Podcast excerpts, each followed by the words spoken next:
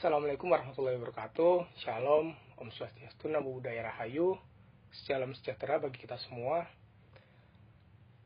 Halo kolega politik, eh, selamat pagi, selamat siang, selamat malam. Di mana pun kalian berada, aku harap keadaan kalian dan keluarga di rumah sehat-sehat nih. Nah, pada kesempatan kali ini perkenalkan dulu namaku Muhammad Afif Afani. Aku staf ahli dari Divisi Sosial Masyarakat Hima Politik Visi UB. Dalam podcast Aspirasi Sosial Masyarakat kali ini nih, aku akan membawakan suatu isu nih yang sedang hangat diperbincangkan di ruang publik, di mana isu ini Ya bentar dulu deh. Pak kalian tahu nih isu-isu yang sedang hangat nih yang di ruang publik. Ya udah deh, aku spill kali ini ya. Kali ini nih aku akan membahas terkait dengan polemik Faba. Nah, Faba ini akhir-akhir ini kenapa nih menjadi polemik? Karena Faba ini e, berawal dari pernyataan Presiden Joko Widodo yang mengeluarkan faba dari kategori limbah B3. Nah ini nih jadi perdebatan nih yang emang sangat heboh nih di berbagai kalangan nih, baik dari kalangan masyarakat, dari kalangan pemerintah atau dari ya pemerhati lingkungan lah. Nah kali ini dalam podcast aspirasi sosial masyarakat ini aku gak sendirian loh Aku ditemani dengan salah satu narasumber nih. Coba tebak siapa nih narasumbernya nih? Siapa ya? Ya udah deh, aku kasih tahu deh. Nah di sini aku ditemani dengan Mas Satria namanya. Dia nih salah satu mahasiswa program studi sosiologi tahun 2018. Halo Mas Satria, gimana nih? Halo Afif, apa kabar? Alhamdulillah baik. Gimana nih kabarnya Mas Satria nih? Alhamdulillah baik juga dan bersyukur pada kesempatan kali ini kita bisa apa ya kita bisa ngobrol gitu ya sama teman-teman atau kolega politik. Sebelumnya aku mau izin karena aku juga apa ya dari sosiologi dan datang sini diundang untuk apa bicara atau kita membahas bareng soal faba ini suatu kehormatan dan terima kasih untuk kesempatan yang uh, berbahagia ini. Nah, terima kasih Mas Satria udah bersedia nih untuk hadir dalam podcast aspirasi sosial masyarakat ini. Nah, Mas Satria nih, aku mau tanya nih terkait dengan faba ini yang emang aku sendiri juga mengikuti nih dari isu ini. Nah, apa sih faba itu dari pandangan Mas Satria dan apa sih limbah B3 itu? Oke, sebenarnya uh, untuk bicara soal polemik yang hari ini kita sama-sama tahu ya di ruang publik kemudian baik di media sosial maupun di pemberitaan dan bahkan udah mengundang berbagai macam pro kontra gitu di di di di di lapisan masyarakat gitu menyoal tentang polemik mempertanyakan kenapa kok faba bisa dikeluarkan dari salah satu kategori limbah B3 gitu. Nah, yang penting memang benar pertama kita harus tahu dulu deh secara definitif uh, atau secara definisi apa yang dimaksud dengan faba dan kemudian apa yang disebut dengan limbah B3. Secara sederhana gini. Uh, kita tuh bisa memaknai atau faba itu sendiri ya. Kalau pakai kepanjangan itu kan flash uh, fly ash and bottom ash itu atau singkat sebagai faba. Dia itu merupakan suatu limbah hasil industri pembakaran batu bara. Jadi uh, faba ini itu merupakan salah satu uh, kategori atau kelompok sebelumnya di, di regulasi sebelumnya itu masuk dalam kategori limbah B3 yang di dalamnya tentu dia memiliki kandungan uh, apa namanya kandungan-kandungan uh, yang sifat toksinitas terhadap lingkungan. Dan apa uh, kemudian kalau B3 itu sendiri ya limbah atau bahan berbahaya dan beracun gitu. Jadi ya ini merupakan secara umum apa kategori hasil hasil hasil dari produk industri yang sifatnya berbahaya dan beracun. Itu sesuai dengan peraturan pemerintah nomor 101 tahun 2014 tentang pengelolaan limbah bahan berbahaya dan beracun. Jadi itu sih yang disebut dengan faba dan uh, apa yang disebut dengan limbah B3 itu sendiri. Nah, gitu kolega politik. Mana udah tahu kan definisi dari faba dan limbah B3 itu sendiri. Nah, untuk yang selanjutnya nih, uh, aku emang sedang berpikir nih, mengapa sih wacana dari faba ini dikeluarkan dari limbah B3 ini? Kenapa hal ini bisa terjadi gitu loh? Hmm. Dan menjadi suatu perdebatan di ruang publik itu. Ya, Gimana nih Mas Satria?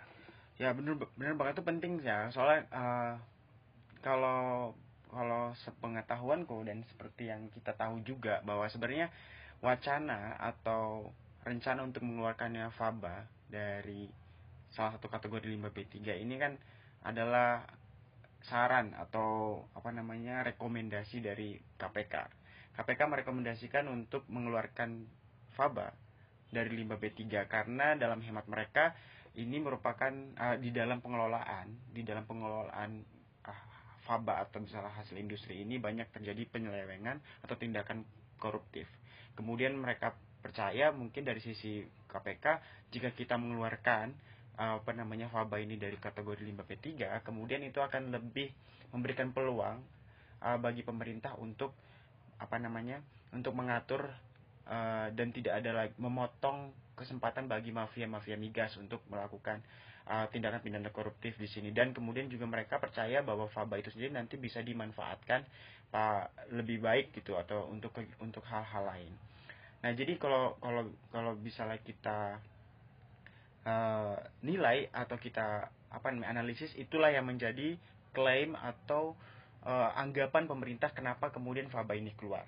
Nah, kemudian timbulkan pertanyaan, sebenarnya apakah eh, sebenarnya selain selain itu sih latar belakang dari kebijakan ini juga ini merupakan turunan, kelanjutan dari undang-undang yang kita tahu, undang-undang Omnibus Law yeah. yang kemarin itu telah disahkan oleh pemerintah dan salah satu poinnya adalah uh, kemudahan dalam melakukan uh, pengelolaan apa namanya uh, atau klaimnya bagi sebagian orang-orang menilai bahwa kemudian uh, di omnibus law di, dianggap dinilai uh, meringankan atau melonggarkan analisis terhadap dampak lingkungan atau atau perhitungan pertimbangan-pertimbangan dalam proses pembangunan yang melibatkan lingkungan itu di, dikurangi. Nah, hal itu terbukti kita lihat dari wacana bahkan bukan wacana lagi ya kalau uh, btw ini udah jadi satu kebijakan baru dari pemerintah di undang-undang yang terbaru bahwa kemudian B3 eh maksud saya Faba itu udah nggak lagi sebagai B3 ya jadi itu latar belakang kemudian kenapa wacana atau kebijakan ini keluar.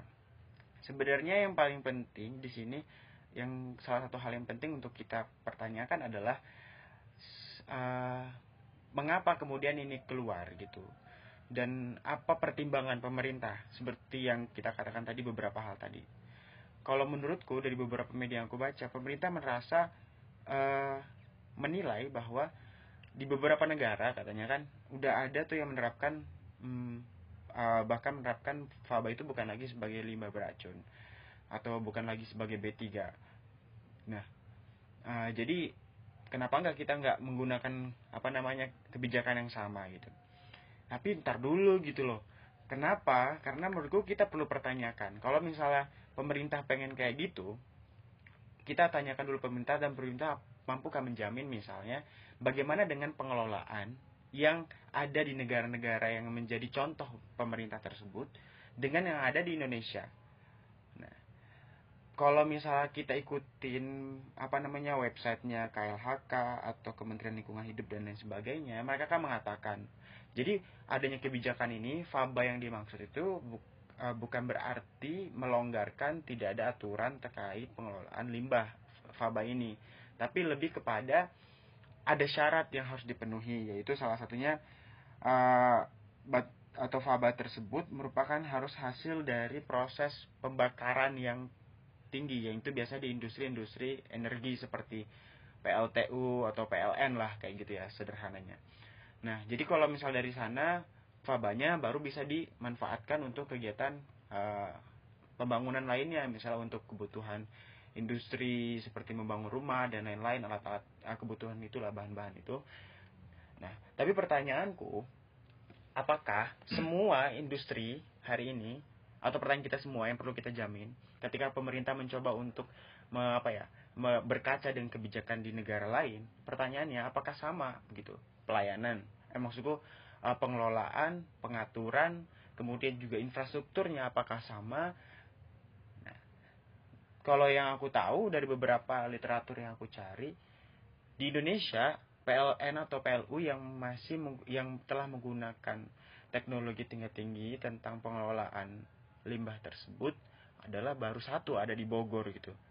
Nah jadi hmm, apakah nggak terlalu buru-buru atau nggak terlalu nggak apakah pemerintah tidak mempertimbangkan hal-hal tersebut gitu sehingga menurutku hmm, uh, di sini jadi kita bisa nilai gitu bahwa kemudian uh, banyak pertanyaan yang harus dijawab dan sehingga inilah yang memicu banyaknya perdebatan atau ada ada ada orang yang kemudian setuju dan nggak setuju sih sejauh ini gitu.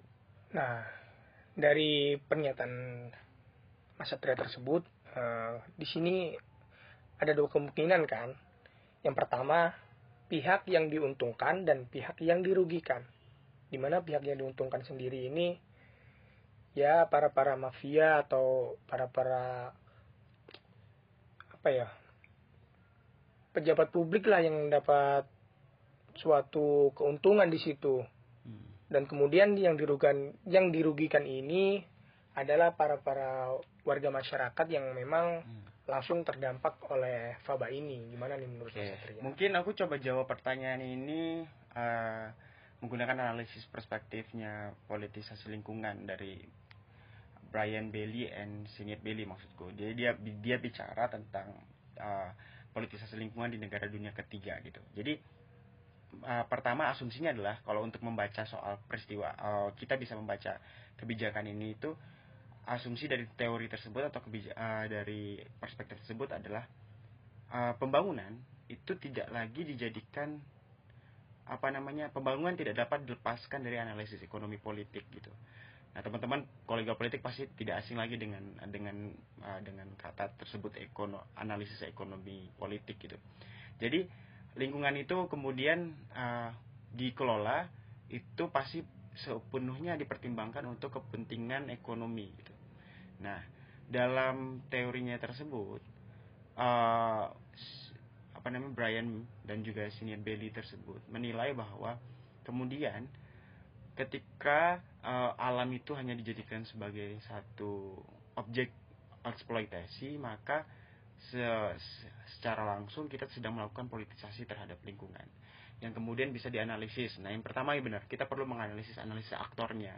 Analisis aktor di sini maksudnya apa? Siapa yang kemudian diuntungkan dirugikan, siapa yang terlibat. Kemudian kita harus melihat skupnya ini apakah dimensi politis lingkungan itu pada dimensi apa? Ada harian, episodik, kemudian ada sistemik. Kemudian yang ketiga, ada juga kita harus menilai mengukur apakah skalanya tingkat apa, lokal, regional maupun global. Dan yang terakhir kita melihat relasi kuasa yang kemudian tercipta dari proses ini. Nah, kalau kita kontekstualisasikan sama Faba ini, mungkin kita berangkat dari analisis aktor. Sebenarnya yang terlibat bisa jadi banyak pihak, mulai dari mulai dari negara tentunya mereka pembuat kebijakan, kemudian juga pengusaha, korporasi, kemudian juga ada masyarakat lingkar daerah terdampak gitu. Misalnya seperti yang ada dekat pabrik atau masyarakat Indonesia secara umum. Nah, kalau kita tanya siapa yang kemudian paling dirugikan dari kebijakan ini adalah uh, yang jelas adalah kalau dalam perspektifnya uh, politisasi lingkungan, politik ekologi, maka yang dirugikan pasti adalah kelompok yang paling rentan atau paling tidak memiliki sumber daya atau kemampuan yang besar. Nah, jadi ini kelompok ini biasanya masyarakat gitu. Ya biasanya masyarakat yang ada di lingkar uh, lokasi terdampak dampaknya apa aja? Bisa multidimensi bisa bisa mulai dari pemiskinan mulai dari apa namanya kesehatan yang kemudian terganggu kemudian apa namanya banyak faktor lain gitu. Apalagi beberapa kajian di dalam konteks pandemi ya adanya polutan yang disebabkan dari dari apa namanya dari faba tersebut itu bisa mempercepat tingkat uh, vitality atau kematian gitu dari dari dari ini dan beberapa kita pernah mengikuti mungkin kayak yang di catatan dokumenter yang di yang dibuatkan film oleh Watchdog misalnya di beberapa lokasi yang dekat dengan proses industri itu dalam 10 tahun 100 tahun bahkan beberapa tahun tinggal di sana mereka udah ada yang punya penyakit apa namanya uh, pernafasan gitu. Nah jadi kalau misalnya dikatakan siapa yang paling dirugikan? Ya itu mereka. Dan yang paling diuntungkan siapa? Ya yang jelas uh, mereka yang dalam hal ini siapa sih yang diuntungkan? Ayo kita analisis. Misalnya Faba tidak lagi memiliki tidak lagi sebagai B3 artinya bisa jadi tidak ada kewajiban bagi industri atau korporasi untuk mengelola apa namanya itu faba tersebut agar bisa dijadikan limbah gitu. Satu itu. Kemudian apakah ini juga uh, sekarang kita analisis atau kita pertanyakan apakah ini akan menguntungkan dari sisi pemerintah karena nanti akan pengelolaan jauh lebih baik? Belum tentu karena justru menurutku ada satu kesalahpahaman bahwa pemerintah ingin menyelesaikan permasalahan korupsi di di di, di ranah migas, tapi menyelesaikannya itu masalahnya apa diselesaikan dengan cara apa? Itu satu hal yang nggak nyambung gitu. Kan masalahnya kalau misalnya kita adanya pengelolaan yang kurang baik artinya kita perbaiki pengelolaannya. Itu bukan malah uh, kita menganggap ini bukan menjadi masalah dengan cara ya udah fabanya kita keluarin aja jadi bukan B3 gitu. Itu kan bukan menyelesaikan masalah, Mas Bro gitu kan. Jadi uh, itu kemudian siapa lagi yang kemudian diuntungkan ya? Uh, kukira uh, itu tadi ya yang paling sentral katakanlah dua kelas tadi. Gitu. Yang paling rugikan ya jelas masyarakat.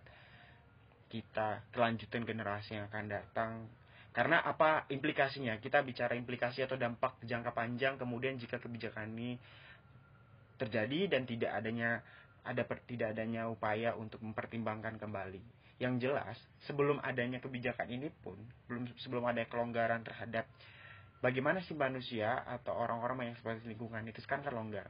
Sebelum ada kebijakan ini, kita telah melakukan eksploitasi besar-besaran. Bagaimana kemudian ketika kebijakan ini telah ada? Gitu. Jadi aku percaya bahwa mungkin akan semakin besar, akan semakin banyak uh, apa namanya eksploitasi besar lagi di di setiap ranah gitu. Karena mau nggak mau ya regulasi itu kan yang mengatur dan dia akan menstimulus atau membatasi setiap orang gitu.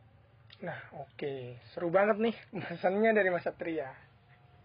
Yang aku tangkep di sini uh, pemerintah nih seolah-olah nih ya dalam perspektif seorang Afif nih yang bukan siapa-siapa tentunya.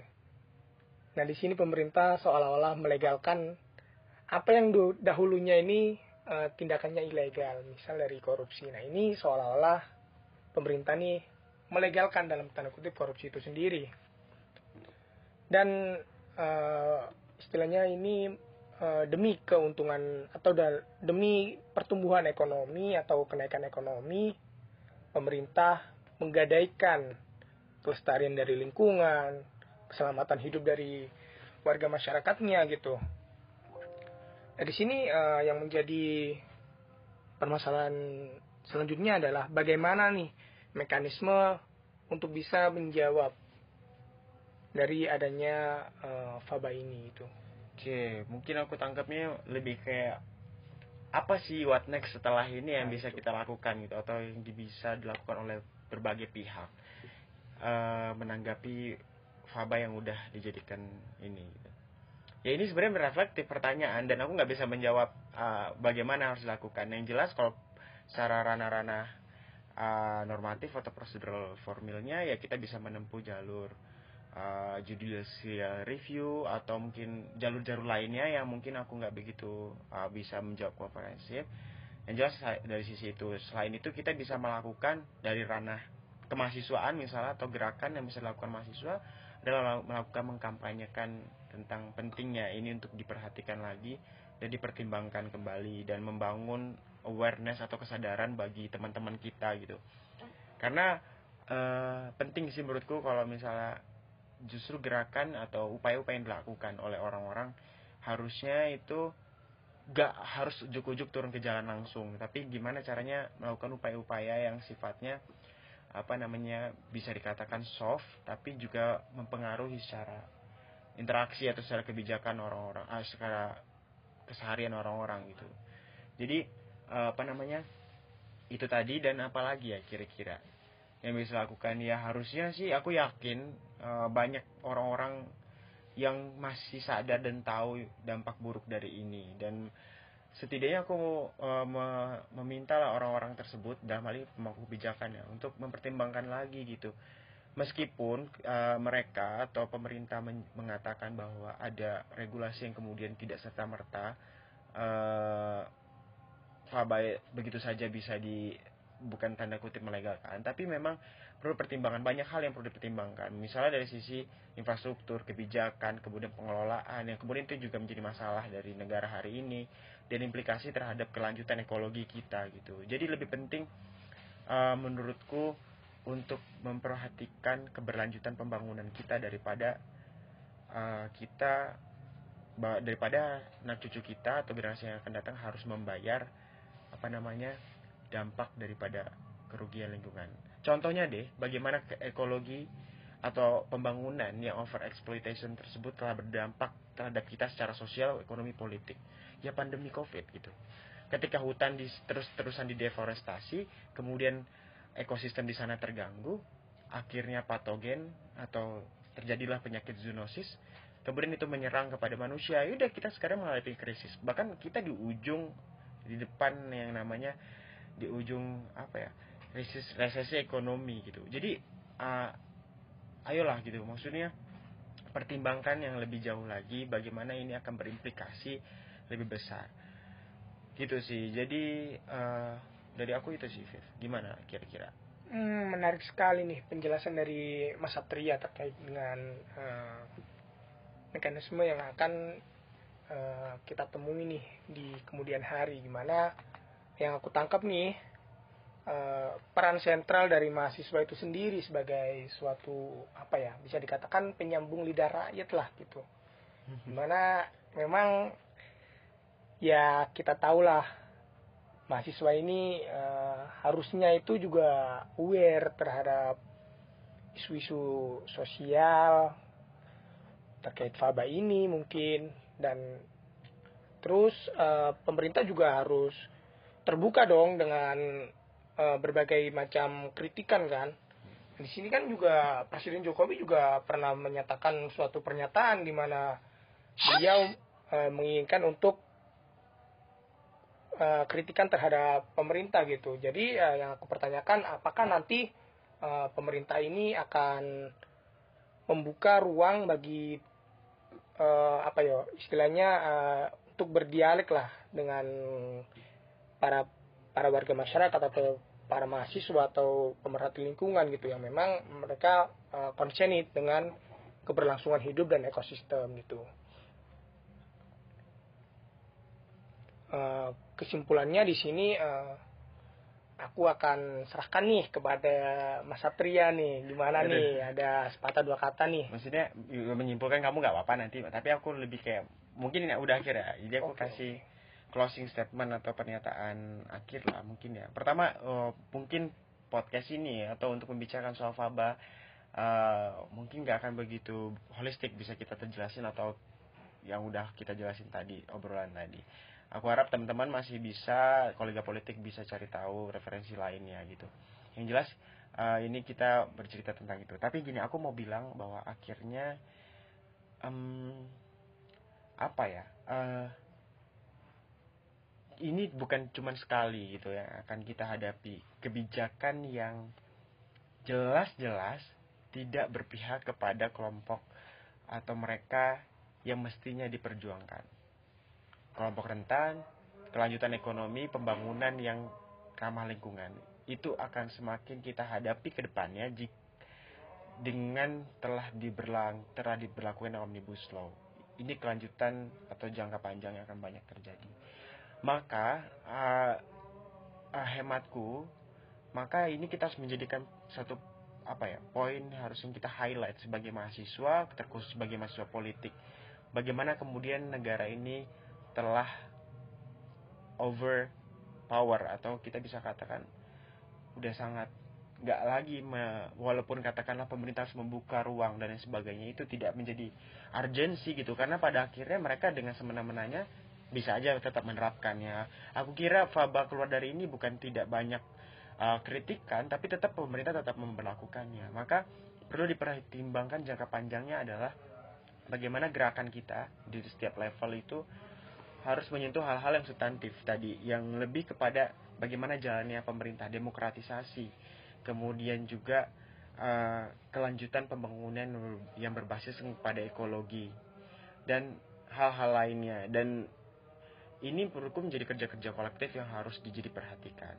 Jadi singkatnya kalau masalah faba ini sudah jelas walaupun kemudian uh, ada ada ada yang bisa kita lakukan kita manfaatkan gitu daripada kebijakan ini. Namun nggak jauh lebih besar dampak negatifnya yang mungkin yang akan kita hadapi atau cucu uh, generasi kita akan rasakan gitu. Jadi dari aku itu sih oke kalau dari aku sendiri nih sebagai penutup dari diskusi podcast kali ini dari aku sendiri bagaimana faba ini terkait dengan definisinya faba ini yaitu uh, suatu hasil dari proses pembakaran di mana pembakaran ini uh, dari batu bara. Nah ini uh, menimbulkan pro kontra nih, di mana pemerintah menginginkan faba ini uh, dikeluarkan dengan dalih uh, akan uh, menaikkan tingkat ekonomi gitu dan dengan dalih menyempitkan ruang gerak dari para para koruptor-koruptor yang memang menyalahgunakan dari pengelolaan Faba ini. Nah dari hal tersebut kontra yang dari pihak masyarakat sendiri yang langsung berdampak atau langsung terdampak dari Faba ini di mana kesehatan mereka juga terancam, keselamatan hidupnya juga terancam, terus mata pencahari, pencaharian dari para para nelayan kan karena memang PLTU ini uh, berada di pesisir gitu. Nah itu uh, terkait ekosistem lingkungan juga akan terancam. Nah itu terkait juga uh, peran dari masyarakat sendiri dengan mahasiswa itu sendiri di mana mereka terus akan uh, apa ya istilahnya uh, memperjuangkan gitu letak memperjuangkan uh, dalam artian uh, menolak atau memberikan apa ya istilahnya itu memberikan uh, masukan gitu biar uh, faba ini bisa dikaji ulang dipertimbangkan ulang dari pemerintah itu nah sekian dari podcast kali ini. Uh, terima kasih banyak Mas Satria sudah meluangkan waktu demi yeah. kolega politik yang ada di rumah. Makasih juga dan mohon maaf bila ada salah-salah kata dan uh, banyak kekurangannya karena waktunya sangat singkat sekali. Semoga adalah hal yang bisa kita pertukarkan di sini. Nah, gitu kolega politik. Menarik bukan pembahasan kita dalam podcast aspirasi sosial masyarakat kali ini. Nah, tentunya jangan lupa untuk uh, mendengarkan atau uh, menunggu nih dari podcast selanjutnya gitu. Nah, sekian dari aku. Uh, mohon maaf bila ada salah kata. Uh, sampai jumpa kolega politik.